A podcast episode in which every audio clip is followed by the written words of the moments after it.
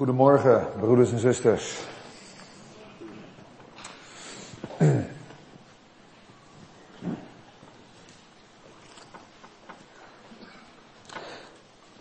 Er was, een, er was eens een vertegenwoordiger van een parfumbedrijf. Dat naar een parfumzaak ging. En uh, allerlei flesjes, allerlei monsters had meegenomen. Om uh, die bij die parfumwinkel aan de man te brengen. En ze kreeg de directeur te spreken. En ze begon te vertellen met woorden wat de geur van die parfum was. En waarom die verkoper dat zeker in zijn assortiment moest opnemen. Maar hij had er geen zin in. En ze probeerde het nog een keer met woorden. En ze liet het flesje zien en de kleur van de vloeistof. Maar hij was niet toe bereid om met haar een deal te sluiten. Maar zij wist, wat in dit flesje zit, dat is zo kostbaar en dat is het zo waard om verkocht te worden. Maar hoe maak ik hem dat duidelijk? En op een gegeven moment dacht ze, er is maar één ding. Ik laat hem met mijn handen vallen. Dat zal ik vanmorgen niet doen, hij is niet van mezelf. En ze liet hem zo uit haar handen vallen. Tussen hem en de directeur van de zaken in. Ze zei, zullen we even een minuut stil zijn? En de geur steeg op, dat begrijp je. En hij was verkocht. Ik zou vanmorgen willen preken zonder woorden. Kan dat eigenlijk?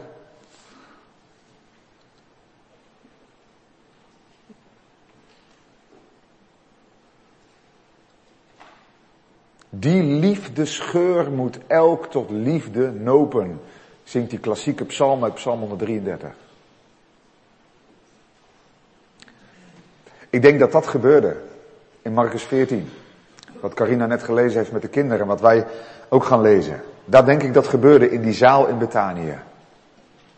Dat de geur van de liefde, de nardus liefde, geroken werd. Marcus 14 vanaf vers 3.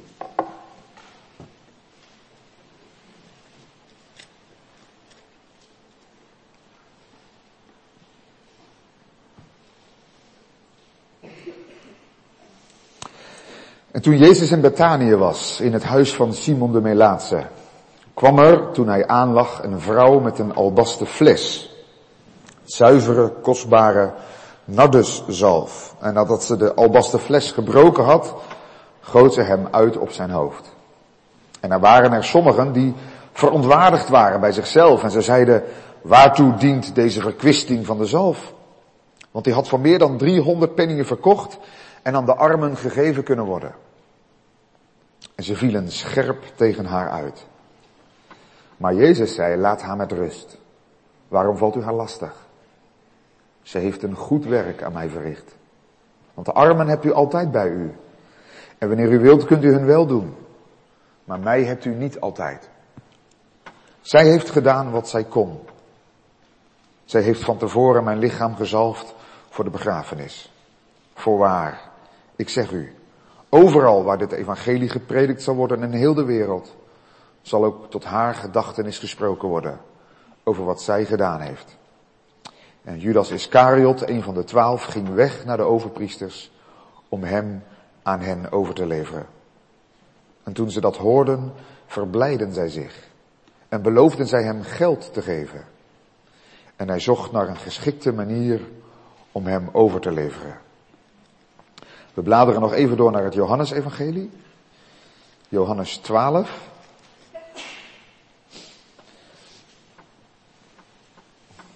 Daar vind je dezelfde geschiedenis. Alleen iets anders verteld weer. Johannes gebruikt meer namen. De vrouw heet hier Maria, de zus van Martha en Lazarus. En de critici in Marcus 14 waren dat sommigen en hier is dat vooral Judas. Ik lees maar één vers uit Johannes 12, dat is vers 3. Maria dan nam een pond zuivere nardesalf van zeer grote waarde, zalfde de voeten van Jezus en droogde zijn voeten met haar haren af. En het huis werd vervuld met de geur van de zalf. En dan bladeren we nog even naar 1 Korinthe 13. Het hoofdstuk over de liefde.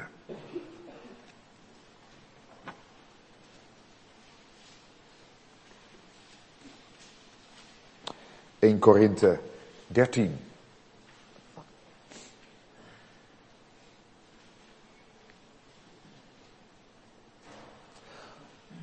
Vers 1. Al zou ik de talen van de mensen en van de engelen spreken, maar ik had de liefde niet, dan zou ik klinkend koper of een schallende symbaal zijn geworden. En dan zou ik de gave van de profetie hebben en alle geheimenissen weten en alle kennis bezitten. En dan zou ik het geloof hebben zodat ik bergen zou verzetten. Maar ik had de liefde niet. Dan was ik niets. En dan zou ik mijn bezittingen uitdelen tot levensonderhoud van de armen. En al zou ik mijn lichaam overgeven om verbrand te worden. Maar ik had de liefde niet het baatte mij niets. De liefde is geduldig, ze is vriendelijk. De liefde is niet jaloers. De liefde pronkt niet, ze doet niet gewichtig.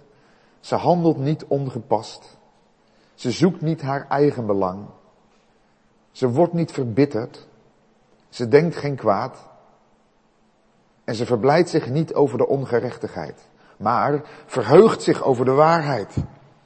Zij bedekt alle dingen. Zij gelooft alle dingen. Zij hoopt alle dingen. Zij verdraagt alle dingen. De liefde vergaat nooit. Terug naar Marcus 14, tenminste ik wel. Daar gaan we het vanmorgen over hebben.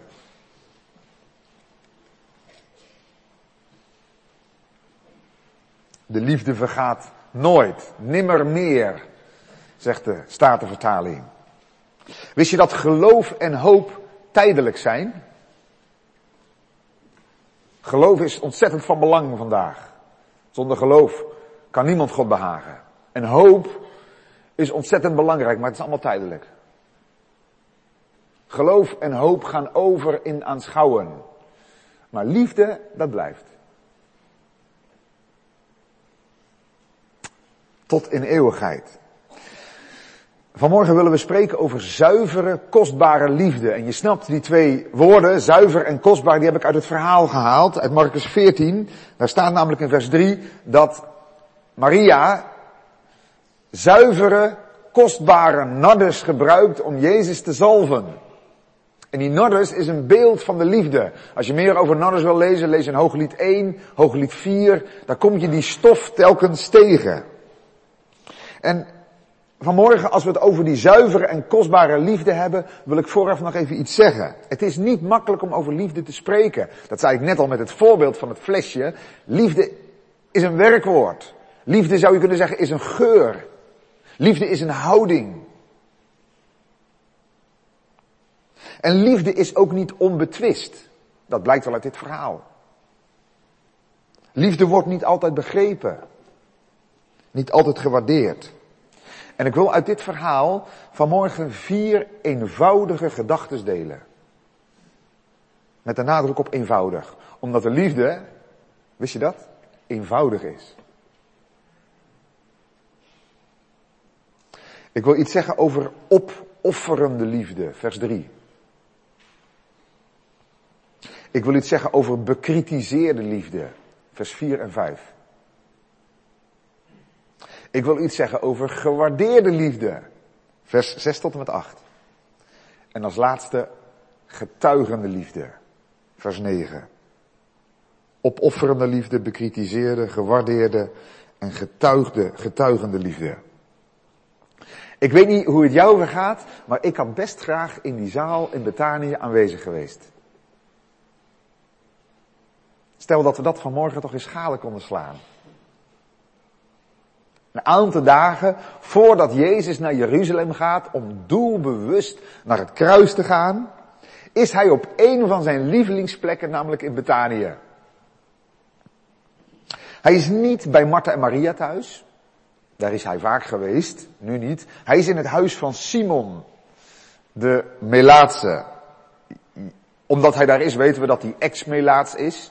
Want anders was hij buiten de stad, buiten de legerplaats. Waarschijnlijk is hij genezen. Heel waarschijnlijk zelfs door Jezus. En mogelijk is deze maaltijd, waar Jezus hier te gast is, wel een liefdemaaltijd, een feestmaaltijd, ter ere van Jezus, omdat Simon genezen is. Waarschijnlijk is Simon, let op, gezalfd door de priester en genezen verklaard. En het is misschien niet lang daarna dat hij dit feest viert en heeft hij Jezus de geneesheer uitgenodigd. En terwijl ze aan tafel aanliggen, Martha en Maria zijn er ook, en Johannes 12 zegt dat ook Lazarus er is. Geweldig, hij is net weer levend geworden. De kinderen kennen dat verhaal. En terwijl ze daar aan het eten zijn, ik stel me dat zo voor, staat Maria op en voegt zich bij Jezus. Bij zijn voeten staan. En ze haalt misschien wel van onder haar jurk, haalt ze een albaste fles. Even voor de jongeren, trouwens, ik wist het zelf ook niet, ik heb dat even na moeten zoeken deze week. Um, het is een soort fles van gips. Stevig gips. Haalt ze tevoorschijn met waarschijnlijk een lange hals, een hele dunne hals, want als je hem dan op zijn kop hield, dan kwam er telkens een druppeltje uit. Je haalt ze tevoorschijn. En wat doet ze? We hebben het gehoord. Zij breekt die hals van die fles en giet de inhoud, de nardus, over het hoofd van Jezus uit. En Johannes 12 zegt dat ze uiteindelijk ook zijn voeten zalft. Met andere woorden zijn hele lichaam. Van hoofdhaar tot de voeten. Nou, het is al snel duidelijk wat er in die fles zat. Dat was nardus. Nardus was een zalf die gemaakt was van de nardusplant. En die kwam eigenlijk vooral in de Himalaya in India voor. En die zalf was erg duur, dat lees je in al die verhalen, omdat die heel moeilijk gewonnen werd. Die nardusplant was schaars en omdat hij een grote weg moest afleggen om bijvoorbeeld in Israël te komen. Maar klaarblijkelijk had Maria misschien wel week voor week iets apart gelegd en zich die grote schat verzameld, hè? Een pond zuivere nardus. Nou, dat is niet 500 gram. Een Romeins pond is 45 gram. Kleine hoeveelheid. En ze gebruikt dat om Jezus kort voor zijn dood te zalven. En zoals ik net al zei, Marcus zegt, die nardus was zuiver en kostbaar. Erg duur. Heel erg duur. Want um, Judas, de accountant, hoeft niet lang na te denken. Hij zegt, dit zou 300 penny opbrengen, dit flesje. Het is maar hoe je er naar kijkt, hè. Nou, eenvoudig uitrekenen. Een penning was het dagloon van een arbeider, dus 300 dagen. Een jaar. Min of meer. Een jaar werken. Vandaag de dag? Nou, laat ik het eenvoudig houden. 20.000 euro?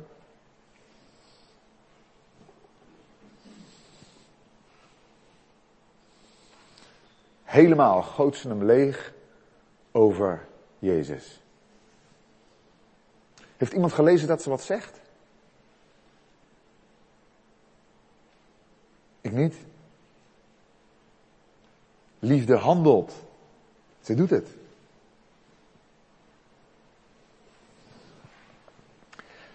Misschien heb je wel een vraag en zeggen, ja, maar wat heeft, Jezus, wat heeft Maria nu geweten van Jezus aanstaande dood? Wat wist ze daar nu van? Nou, één ding weet ik zeker. Ze heeft waarschijnlijk in die drie jaar beter naar de heiland geluisterd dan die twaalf discipelen. Dan die twaalf mannen. Want Jezus zegt, ze heeft het gedaan met het oog op mijn begrafenis. Waarschijnlijk heeft zij gezien, hij is de Messias, en dat zagen de discipelen ook, maar misschien heeft zij meer gezien. Mogelijk heeft zij gezien, hij is de leidende knecht. En die gedachte brengt haar tot een zalving. Nou, wie werden er in het Jodendom gezalfd? Ja, zegt u maar. Wie werden er gezalfd in het Jodendom?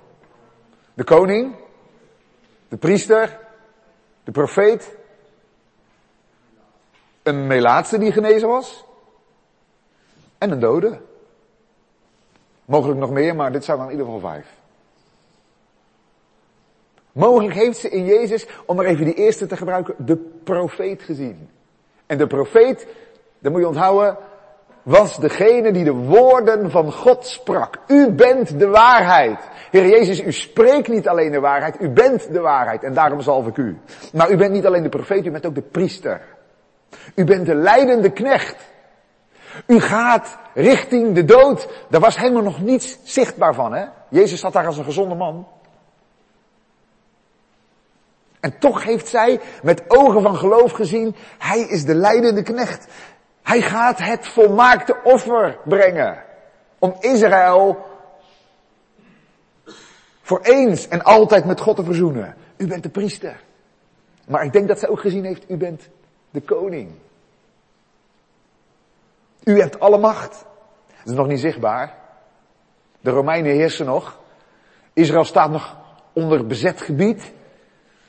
Maar dat gaat veranderen. U, Heer Jezus, u zult straks zitten op de troon van David. Zoals de profetieën uit het Oude Testament gezegd hebben. U zult koning worden over Israël. Nou, er is nog steeds een geloofswaarheid. Als je nu in Israël komt, is daar nog niets van zichtbaar. Maar wij weten dat als straks de Heer Jezus zal neerdalen en zijn voeten zal zetten op de olijfberg, dat hij zal gaan regeren in gerechtigheid.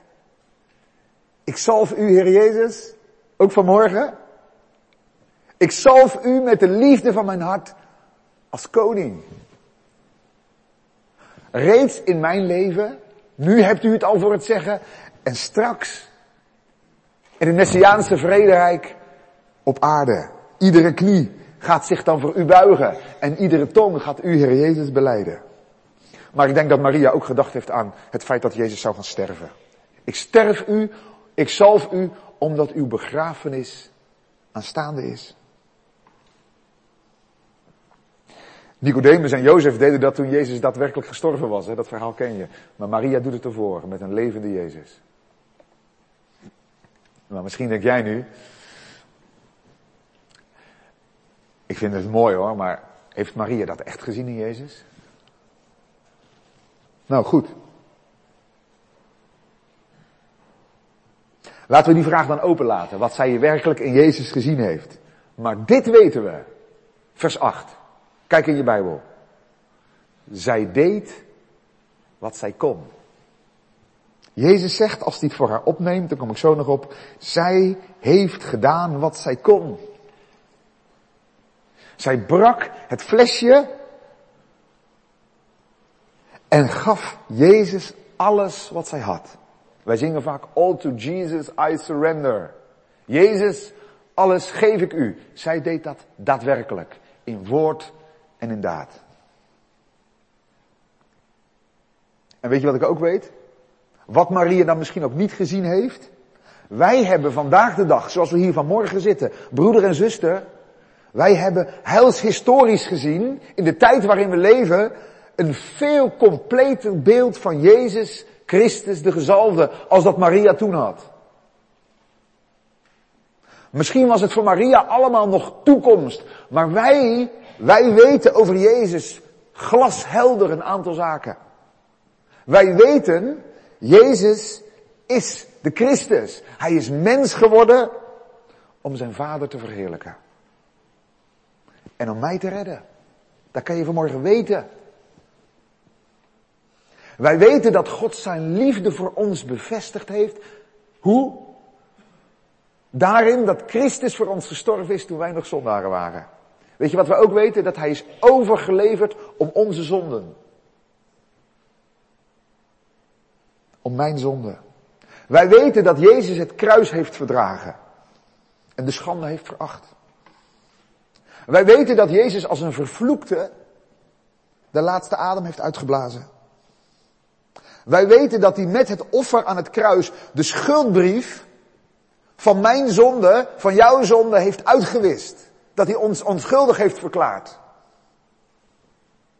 Wij weten dat hij aan het kruis over Satan heeft getriomfeerd en alle boze machten aan zichzelf heeft onderworpen. En ons heeft bevrijd. Wij weten dat Jezus in het graf is geweest. En wij weten dat hij is opgestaan, zoals we net hier bij het kindermoment hoorden. En dat niet alleen, wij weten dat wij met hem zijn opgestaan. Zeg je nog steeds amen? Wij weten dat hij door één offer ons in het vaderhart van God heeft gebracht. Zeg je nog steeds amen? Wij weten dat Jezus heeft plaatsgenomen aan de rechterhand van de Vader. En daar nu zit, hoewel we het met onze ogen nog niet zien, maar wel in het geloof, daar nu zit met eer en heerlijkheid gekroond. Weet je wat we ook weten? Weten dat Hij zijn geest heeft uitgestort in ons en dat niet meer wij leven, maar Christus leeft in ons. Zo zit je hier vanmorgen op je stoel. Het oude is voorbij. Ik kan zeggen, het is nieuw geworden. Wij weten dat Hij ons verenigd heeft als gelovigen in één lichaam. Bijbelteksten genoeg. Wij weten dat we gezamenlijk delen in een geheim, namelijk dat we de Heer Jezus kennen. En dat het elke dag steeds dichter komen bij die geweldige dat we Hem zullen gaan ontmoeten. En dat weten we ook. Dat Hij spoedig zal neerdalen en zijn gemeente zal thuishalen. En tot die tijd weten we dat Hij ons leidt door zijn geest. Weet je wat we ook weten? Wat je nu op dit moment mag weten. Dat Hij vurig voor je bidt en pleit.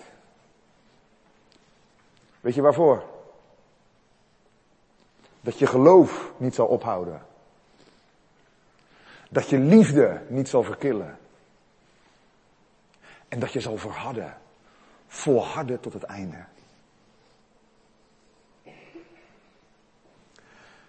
En zo zou ik door kunnen gaan. Wij weten, wij weten, wij weten, wij weten. En wat geven wij Hem?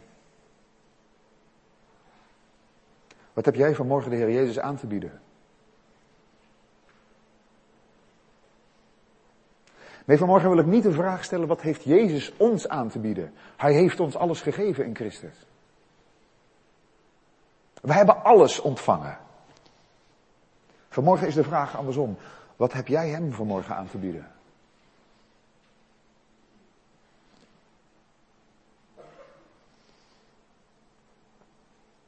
Wat geven wij hem terug als dank voor zijn onbeschrijfelijke liefde voor ons? Wat ruikt hij? Wat ruikt hij vanmorgen?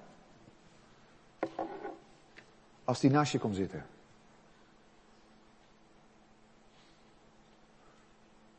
Wat ruikt de Heer Jezus vanmorgen als hij in de gemeente is?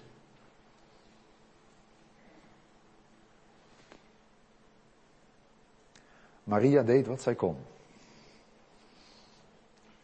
En jij? Doe jij wat je kunt?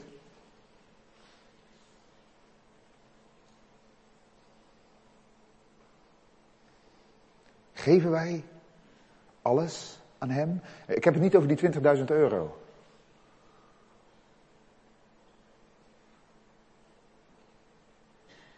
Ik heb het over de liefde van je hart. Die soms inderdaad bereid is om grote offers te brengen.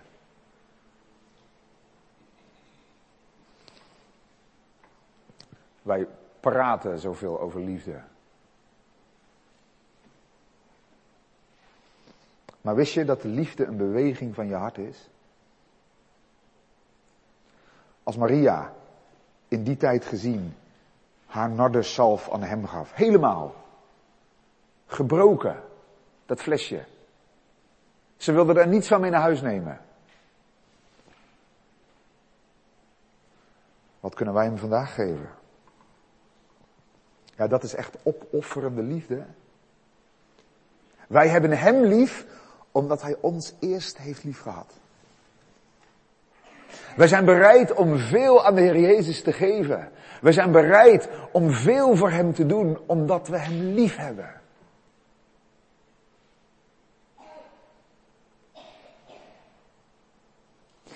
En als we daartoe niet bereid zijn, als die liefdesgeur bij ons niet wordt geproefd, is het vaak het signaal dat we het zicht op zijn liefde voor ons een aardig eind zijn kwijtgeraakt. Nou, even terug naar het verhaal. Ik denk, als je in die ruimte in Betanië had geweest en je had daar inderdaad een minuutje gezeten, Johannes zegt het zelfs in Johannes 12 vers 3, dat de geur van de nardes het hele huis vervulde. Iedereen die er zat, werd geconfronteerd met die geur van liefde. En dat heeft een effect. Daar gaan mensen iets van vinden. Dat is echt zo. Mensen gaan iets van liefde vinden. En het effect is eigenlijk tweeledig. Paulus zegt dat in 2 Korinthe 2, vers 14 en 15. Daar zegt hij, wij zijn voor God een aangename geur van Christus. Een geur ten leven voor hen die behouden worden. En een geur ten dode voor hen die verloren gaan. Dat is zo. Die liefde doet iets met je. En dat zie je gebeuren. Want, en dan kom ik bij die tweede.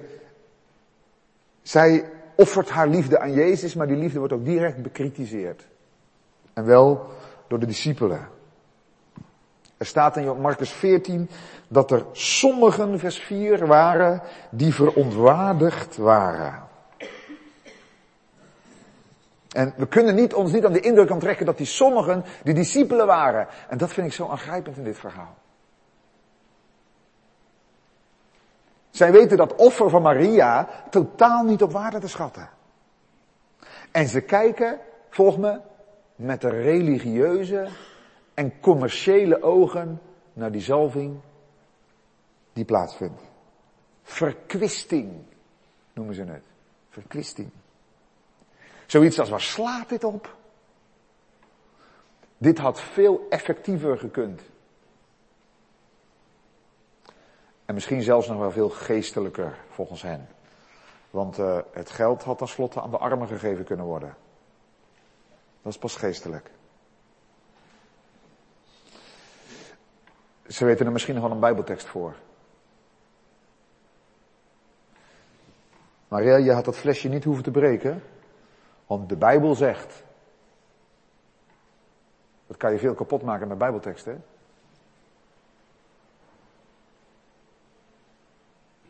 Wat kun je veel kapot maken met bijbelteksten?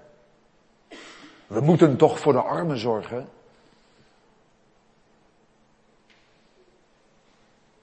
Paulus zegt later, al zou ik al mijn bezittingen uitdelen tot levensonderhoud van de armen. Maar ik had de liefde niet. Ik waren niets. Het baatte mij niets. Zie je dat voor je? Dat, dat Maria daar staat met dat gebroken flesje in haar hand. Gebroken liefde. En Jezus druipt daar van die nardesolie en op dat moment beginnen die discipelen te kritiseren. En er staat hier zelfs, hè, dat staat er echt. Zij vielen scherp tegen haar uit, vers 5.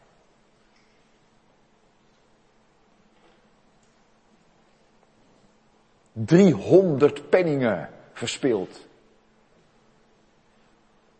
We reageren geërgerd. Zo gaat dat niet in Gods koninkrijk. Dat zijn niet onze manieren. Ja, waar de liefde ontbreekt, daar verkilt de atmosfeer. Daar verval je in regels en in wetten. Zoiets als zo doen we dat niet. Zoiets behoort toch de armen toe te komen? Waar slaat dat op? Harde woorden, denk ik. Lelijke blikken. Richting Maria, die daar staat met een flesje en geen woord zegt. Het klopt ook. Broeder, zuster, wie de diepte aanvoelt, die, die voelen het vanmorgen aan. Liefde valt niet uit te leggen. Het is ook, het is niet berekenend. Judas wist precies hoeveel dat flesje kostte. Ik denk dat Maria het niet wist.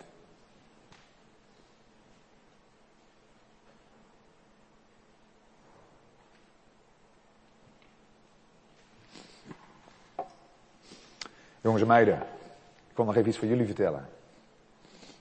Er was eens een jongetje samen met uh, zijn zusje op pad naar school. Op de fiets. En zijn zusje werd aangereden. En ze verloren ontzettend veel bloed. En de ambulance kwam erbij. En de ambulance had geen bloed bij zich. En um, dat is lang geleden al. En ze zeiden tegen een broertje, jouw zusje heeft bloed nodig. Anders zal ze sterven. Zou jij bereid zijn om bloed te geven en dat aan je zus te doneren? Zodat wij het bloed uit jouw arm bij haar in kunnen brengen. En het jongetje was even stil. En hij zag zijn zusje daar liggen. En hij dacht, dat wil ik doen. En hij zei tegen de dokter, prikt u de naald er maar in. En hij ging zitten aan de rand van de weg. En na een minuut zei hij, dokter, wanneer ga ik dood?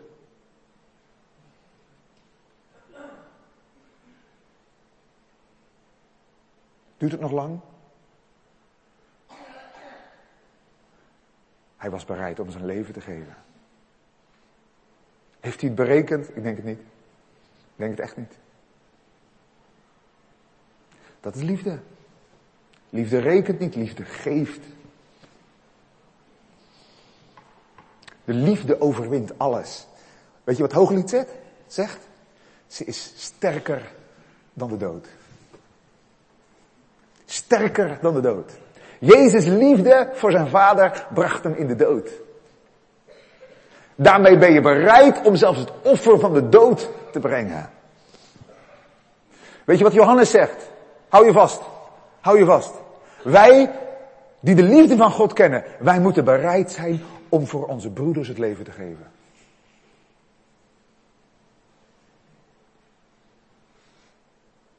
Wij weten amper waar dat over gaat.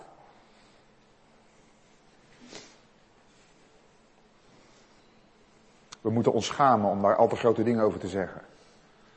Er zijn christenen op andere delen van de wereld die weten wat dat betekent.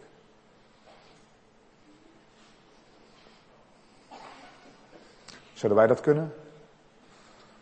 Of is onze liefde veel te berekenend?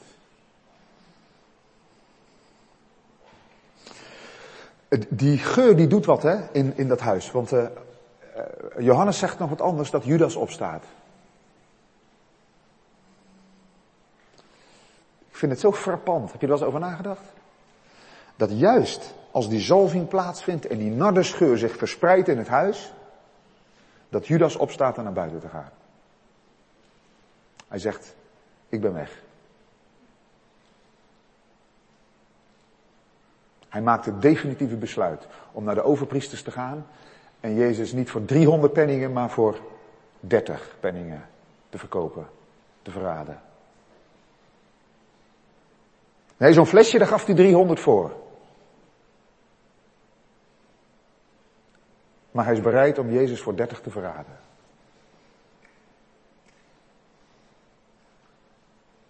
Die liefdesgeur zet aan tot ergernis. En uit frustratie loopt hij weg. Maria bereidde Jezus voor op zijn begrafenis. Judas ook maar op een hele andere manier. Wat een verschil tussen Maria en Judas. Je kan het toch terugbrengen tot één ding. Weet je waar het verschil zit? In liefde.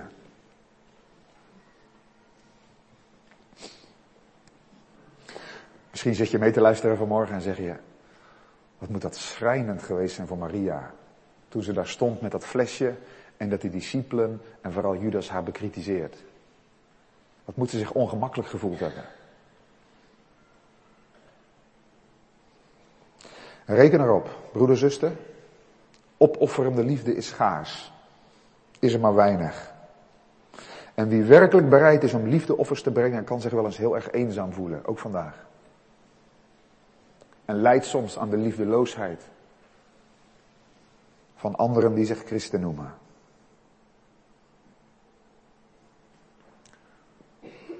Toch is het niet het meest schrijnend voor Maria. Weet je voor wie het het meest schrijnend is? Voor Jezus.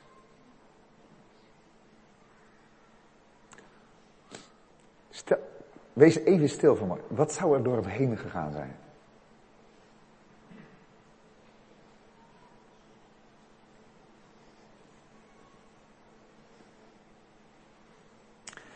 Is zijn persoon en zijn werk werkelijk geen jaarsalaris waard?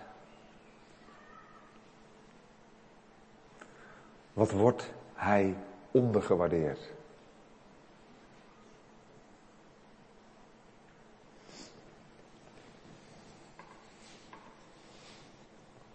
Als derde, Jezus kijkt naar die daad heel anders. De discipelen mogen dan uitvallen tegen Maria. Jezus neemt het voor haar op. Dat moet voor haar een feest geweest zijn. Enerzijds bekritiseerd en anderzijds neemt Jezus het voor haar op. Weet je wat hij als eerste zegt tegen die mannen? Laat haar met rust. Zij heeft een goed werk aan mij verricht. Als Jezus dat zegt, wat wil je dan nog meer? Als Jezus het goed noemt, noem het dan maar eens slecht. Dat is het grootste compliment dat je kan krijgen. Als Jezus jouw werk, jouw liefdeswerk goed vindt. Misschien had je geprezen kunnen worden als je het aan de armen had gegeven, dat flesje. Hé, hey, ik geef er 300 penning aan de armen. Wow. Wat een vrijgevig iemand. Maar Jezus geeft, Maria geeft het aan het beste. Ze geeft het aan Jezus zelf. En vandaag ruiken wij die geur nog.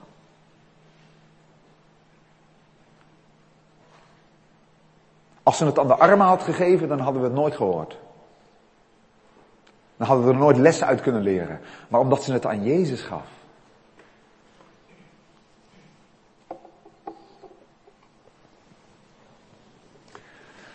Waar gaat jouw beste tijd heen? Waar gaat jouw beste gave heen? Waar gaat jouw eerste liefde heen? Waar gaat jouw eerste energie heen? Je eerste kracht heen? Waar gaan je bezittingen heen?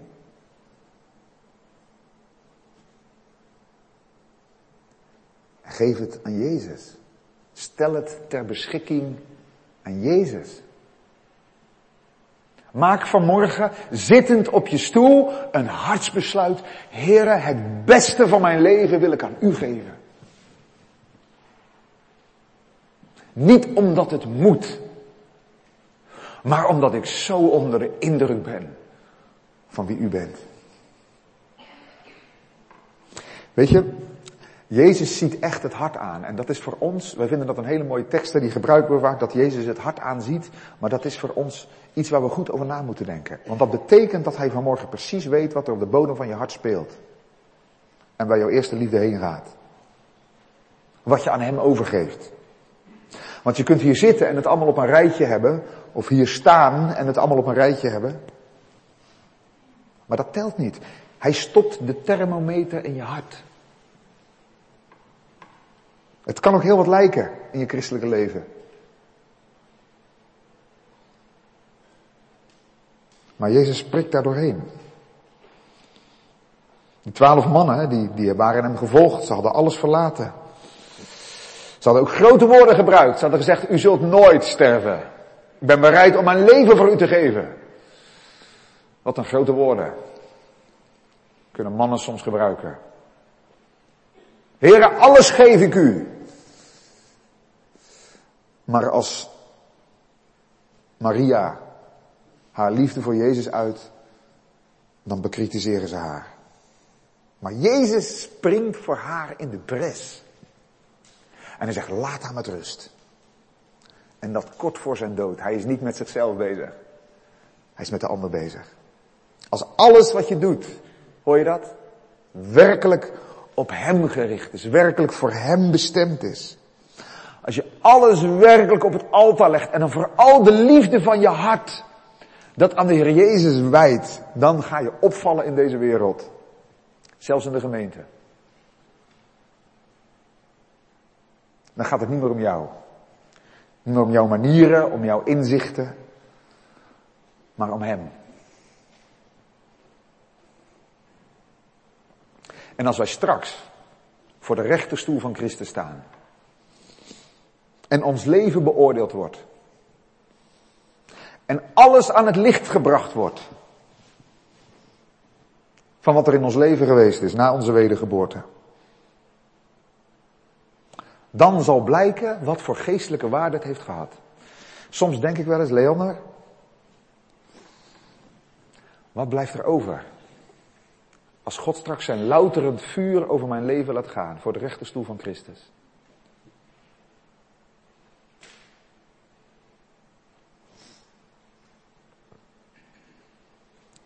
Ik denk echt, ik weet niet hoe, hoe, hoe jij dat ziet, maar ik denk dat de rollen omgedraaid zouden kunnen zijn. Wat we hier op aarde misschien indrukwekkend vonden. Waar we hier op aarde van onder de indruk waren. Aan geestelijk werk, aan liefde, aan offers, noem maar op. Dan zal blijken in hoeverre het werkelijk voor hem gedaan is. En misschien zullen degenen die hier nauwelijks zijn opgevallen, degenen die achter de schermen hun liefde voor Jezus hebben uitgeleefd en hem hebben betuigd, zullen dan de eerste zijn. Hij die hier op aarde, en dan denk ik in het bijzonder in de gemeente, want dat is de oefenplaats. Daar voegt God ons samen als één lichaam. Hij die hier leert dienen, leert vergeven, leert liefhebben, leert om de minste te zijn, leert om het kruis te dragen. Die zal straks de grootste zijn. Dat is wat echt waarde heeft in de ogen van Jezus. Er is zo'n lied uit je handen, Heer, wat zingt. Al wat gedaan is uit liefde tot Jezus. Dat houdt zijn waarde en zal blijven bestaan. Dat blijft er over. En al het andere, ook al was er een hoop lawaai bij gepaard. Dat zal als kaf verbrand worden. En zal geen plaats hebben in de hemel. Omdat het niet gedaan is. Uit liefde voor Jezus. We hadden het over opofferende liefde. Die bekritiseerde liefde. Maar ook Jezus heeft die liefde gewaardeerd. Ook al is het irrationeel om zo'n flesje te breken en het over iemands hoofd uit te gooien. En daarmee een jaarsalaris te moeien. Als laatste, en dat is interessant, deze liefde is ook een getuigende liefde.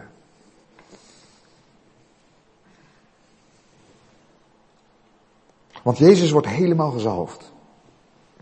Nou, vanmorgen kun je de Heer Jezus ook zalven, niet hier vooraan, op die banken hier. Maar je kunt Jezus salven met de liefde van je hart. Je kunt Jezus vanmorgen zalven met de liefde van je hart. En die nardus was zuiver, onvervalst, ongespeeld, puur. Als je vanmorgen zegt, Heer Jezus, ik houd van u. Ik heb u vanmorgen zo helder voor ogen. Ik ben zo onder de indruk van uw offer voor mij. Ik ben zo vol van uw geduld met mij. Terwijl ik soms zo hard leers ben. En de plank zo falend misla. Laat u mij niet los. Neemt u mij bij de hand. Corrigeert u mij, bemoedigt u mij. Ik ben vanmorgen zo dankbaar dat ik u mag kennen. Ik ben zo dankbaar dat ik, ook al breng ik er soms niets van terecht, dat ik zeker vanmorgen weet dat mijn zonden vergeven zijn. Ik ben vanmorgen zo dankbaar dat ik broeders en zusters mag hebben die delen in dezelfde liefde. Ik ben zo dankbaar voor al die geestelijke zegeningen. Ik weet, ik ben, ik ben vrijgesproken. Heer Jezus, door uw offer ben ik vrij. Dat is niet alleen een lied wat ik graag zing, maar het is werkelijk zo. Ik ben een vrij mens. En uw oog is op mij gericht. Ik kan geen stap zetten. Of u bent erbij.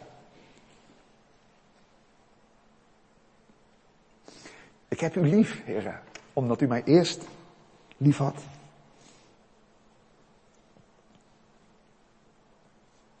En daarom leef ik niet meer voor mezelf. Maar wil ik echt voor u leven. En wil ik ook leven in de stijl van u.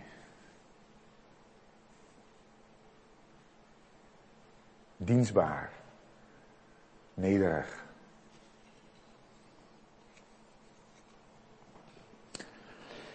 Ik weet niet wat Marie met dat flesje gedaan heeft. Ik weet niet wat er gebeurd is toen Jezus het voor haar opnam en die discipelen daar stonden te kijken en Judas opstond en de zaal verliet. Misschien is ze naar de keuken gelopen. Misschien heeft ze zich teruggetrokken. Ze heeft nog altijd gezwegen. Maar er gaat nog één iemand spreken. En dat is Jezus. Dat vind je in vers 9. Hij zegt, voorwaar, amen, ik zeg u. Hier wordt Jezus ineens stellig. Ik zeg u, overal waar dit evangelie gepredikt zal worden, zelfs in 2018 op Urk. In heel de wereld zal ook tot haar gedachtenis gesproken worden over wat zij gedaan heeft. Dat is echt zo. Deze liefde, die heeft een effect. Die heeft een getuigenis in zich. En dat zal voortgedragen worden, hier staat zelfs door de eeuwen heen. Die liefde, die onbaatzuchtige liefde, die gevende liefde, die agape liefde, ook hier in de gemeente, die gaat tot over de grenzen van de gemeente heen en dat wordt tot een getuigenis in de wereld. In een wereld die leeft voor zichzelf, waar het ik centraal staat. Nou, daar hoef je niet zoveel te doen om op te vallen. Als die agape liefde jou drijft op je werk, in je gezin, in je straat, in je buurt, in je familie, en je gaat leven in de stijl van Jezus, dan heeft dat een effect. Mogelijk gebruik je geen woord. Dat gaat gezien worden, dat valt op en dat is geweldig. Ik sluit af vanmorgen met drie Bijbelteksten. Die daarover gaan. Waarin zit onze getuigende liefde? Kortom, laat ik het glashelder zeggen, hoe wordt de gemeente, hoe wordt de christen tot een getuigende christen? Hoe valt hij op in de wereld? Wat is dan die stijl van Jezus die anderen tot nadenken zet?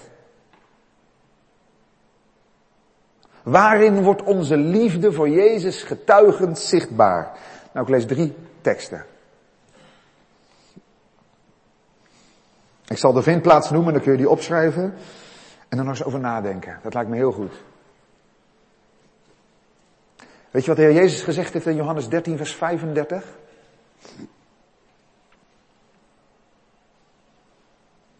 Hierdoor zullen allen inzien dat u mijn discipelen bent.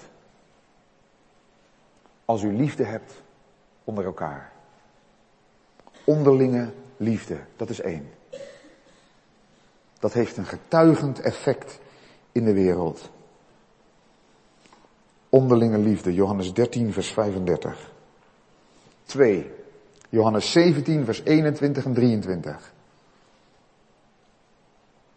Een gebed van Jezus. Vader, ik bid dat ook zij in ons één zullen zijn.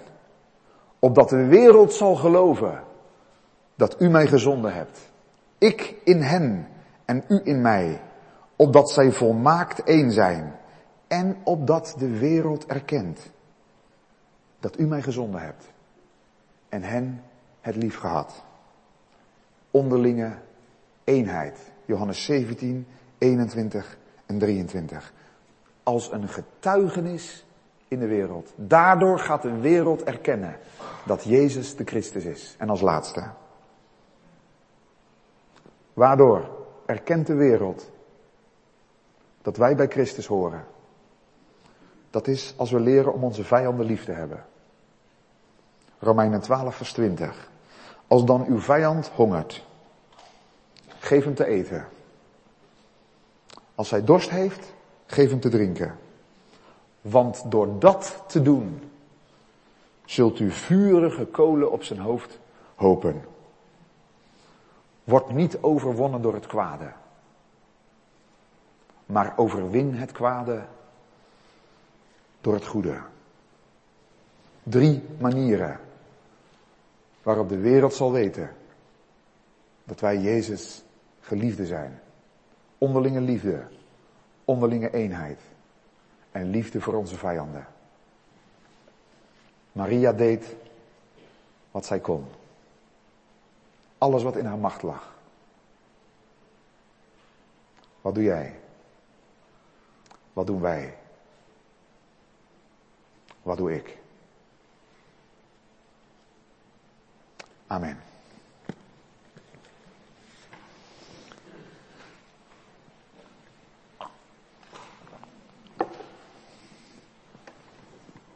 stel voor dat we met elkaar gaan danken.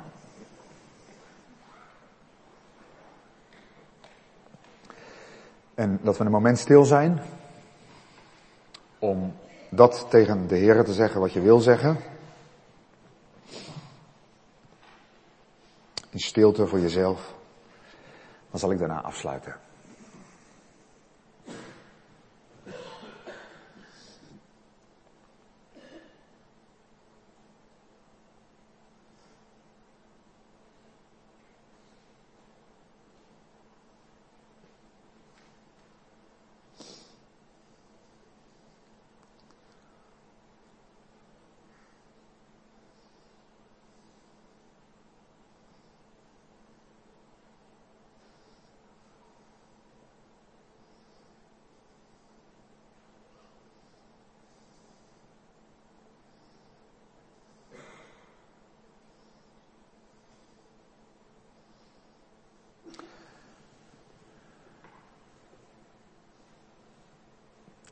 Hemelse Vader.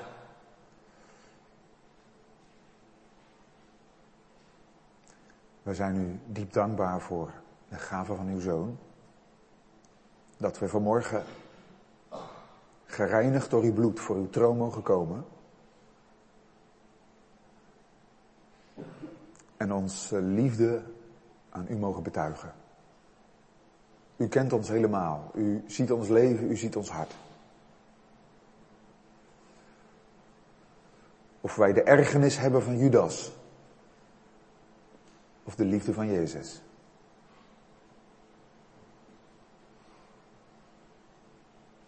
Waardoor we soms dingen doen die niet begrepen worden. Maar ons hart brandend is voor u. Dank u wel dat u ons hart aanziet. Ook vanmorgen. En dat u de rijen doorgaat. Op zoek Naar een man, naar een vrouw, naar een jongen, een meisje. Van wie het hart volkomen naar u uitgaat. Dank u wel voor het voorbeeld van Maria. Ik bid dat het ons mag aansporen haar na te volgen. Om in de stijl van Jezus te leven. Zodat de wereld zal erkennen dat wij uw discipelen zijn. En Jezus Christus, onze Heer, onze Heiland, onze profeet, priester en koning is. Ik bid dat de liefdegeur geroken zal worden. Heer, ik vertrouw u dat degenen die een onderscheidingsvermogen hebben voor de liefdesgeur, vanmorgen geroken hebben. Wat het betekent om Jezus lief te hebben. En Hem het beste te geven. En laat alles wat daarmee concurreert, wat ons ervan afhoudt om u het beste te geven, vanmorgen mogen worden beleden, mogen worden afgelegd. Zodat het werkelijk stil wordt. In de wereld wordt het stil. Als wij doen wat Jezus wil. En vol liefde als een knecht. Ons leven stellen ter beschikking van anderen. Dank u wel voor uw onuitsprekelijke liefde, Heer Jezus.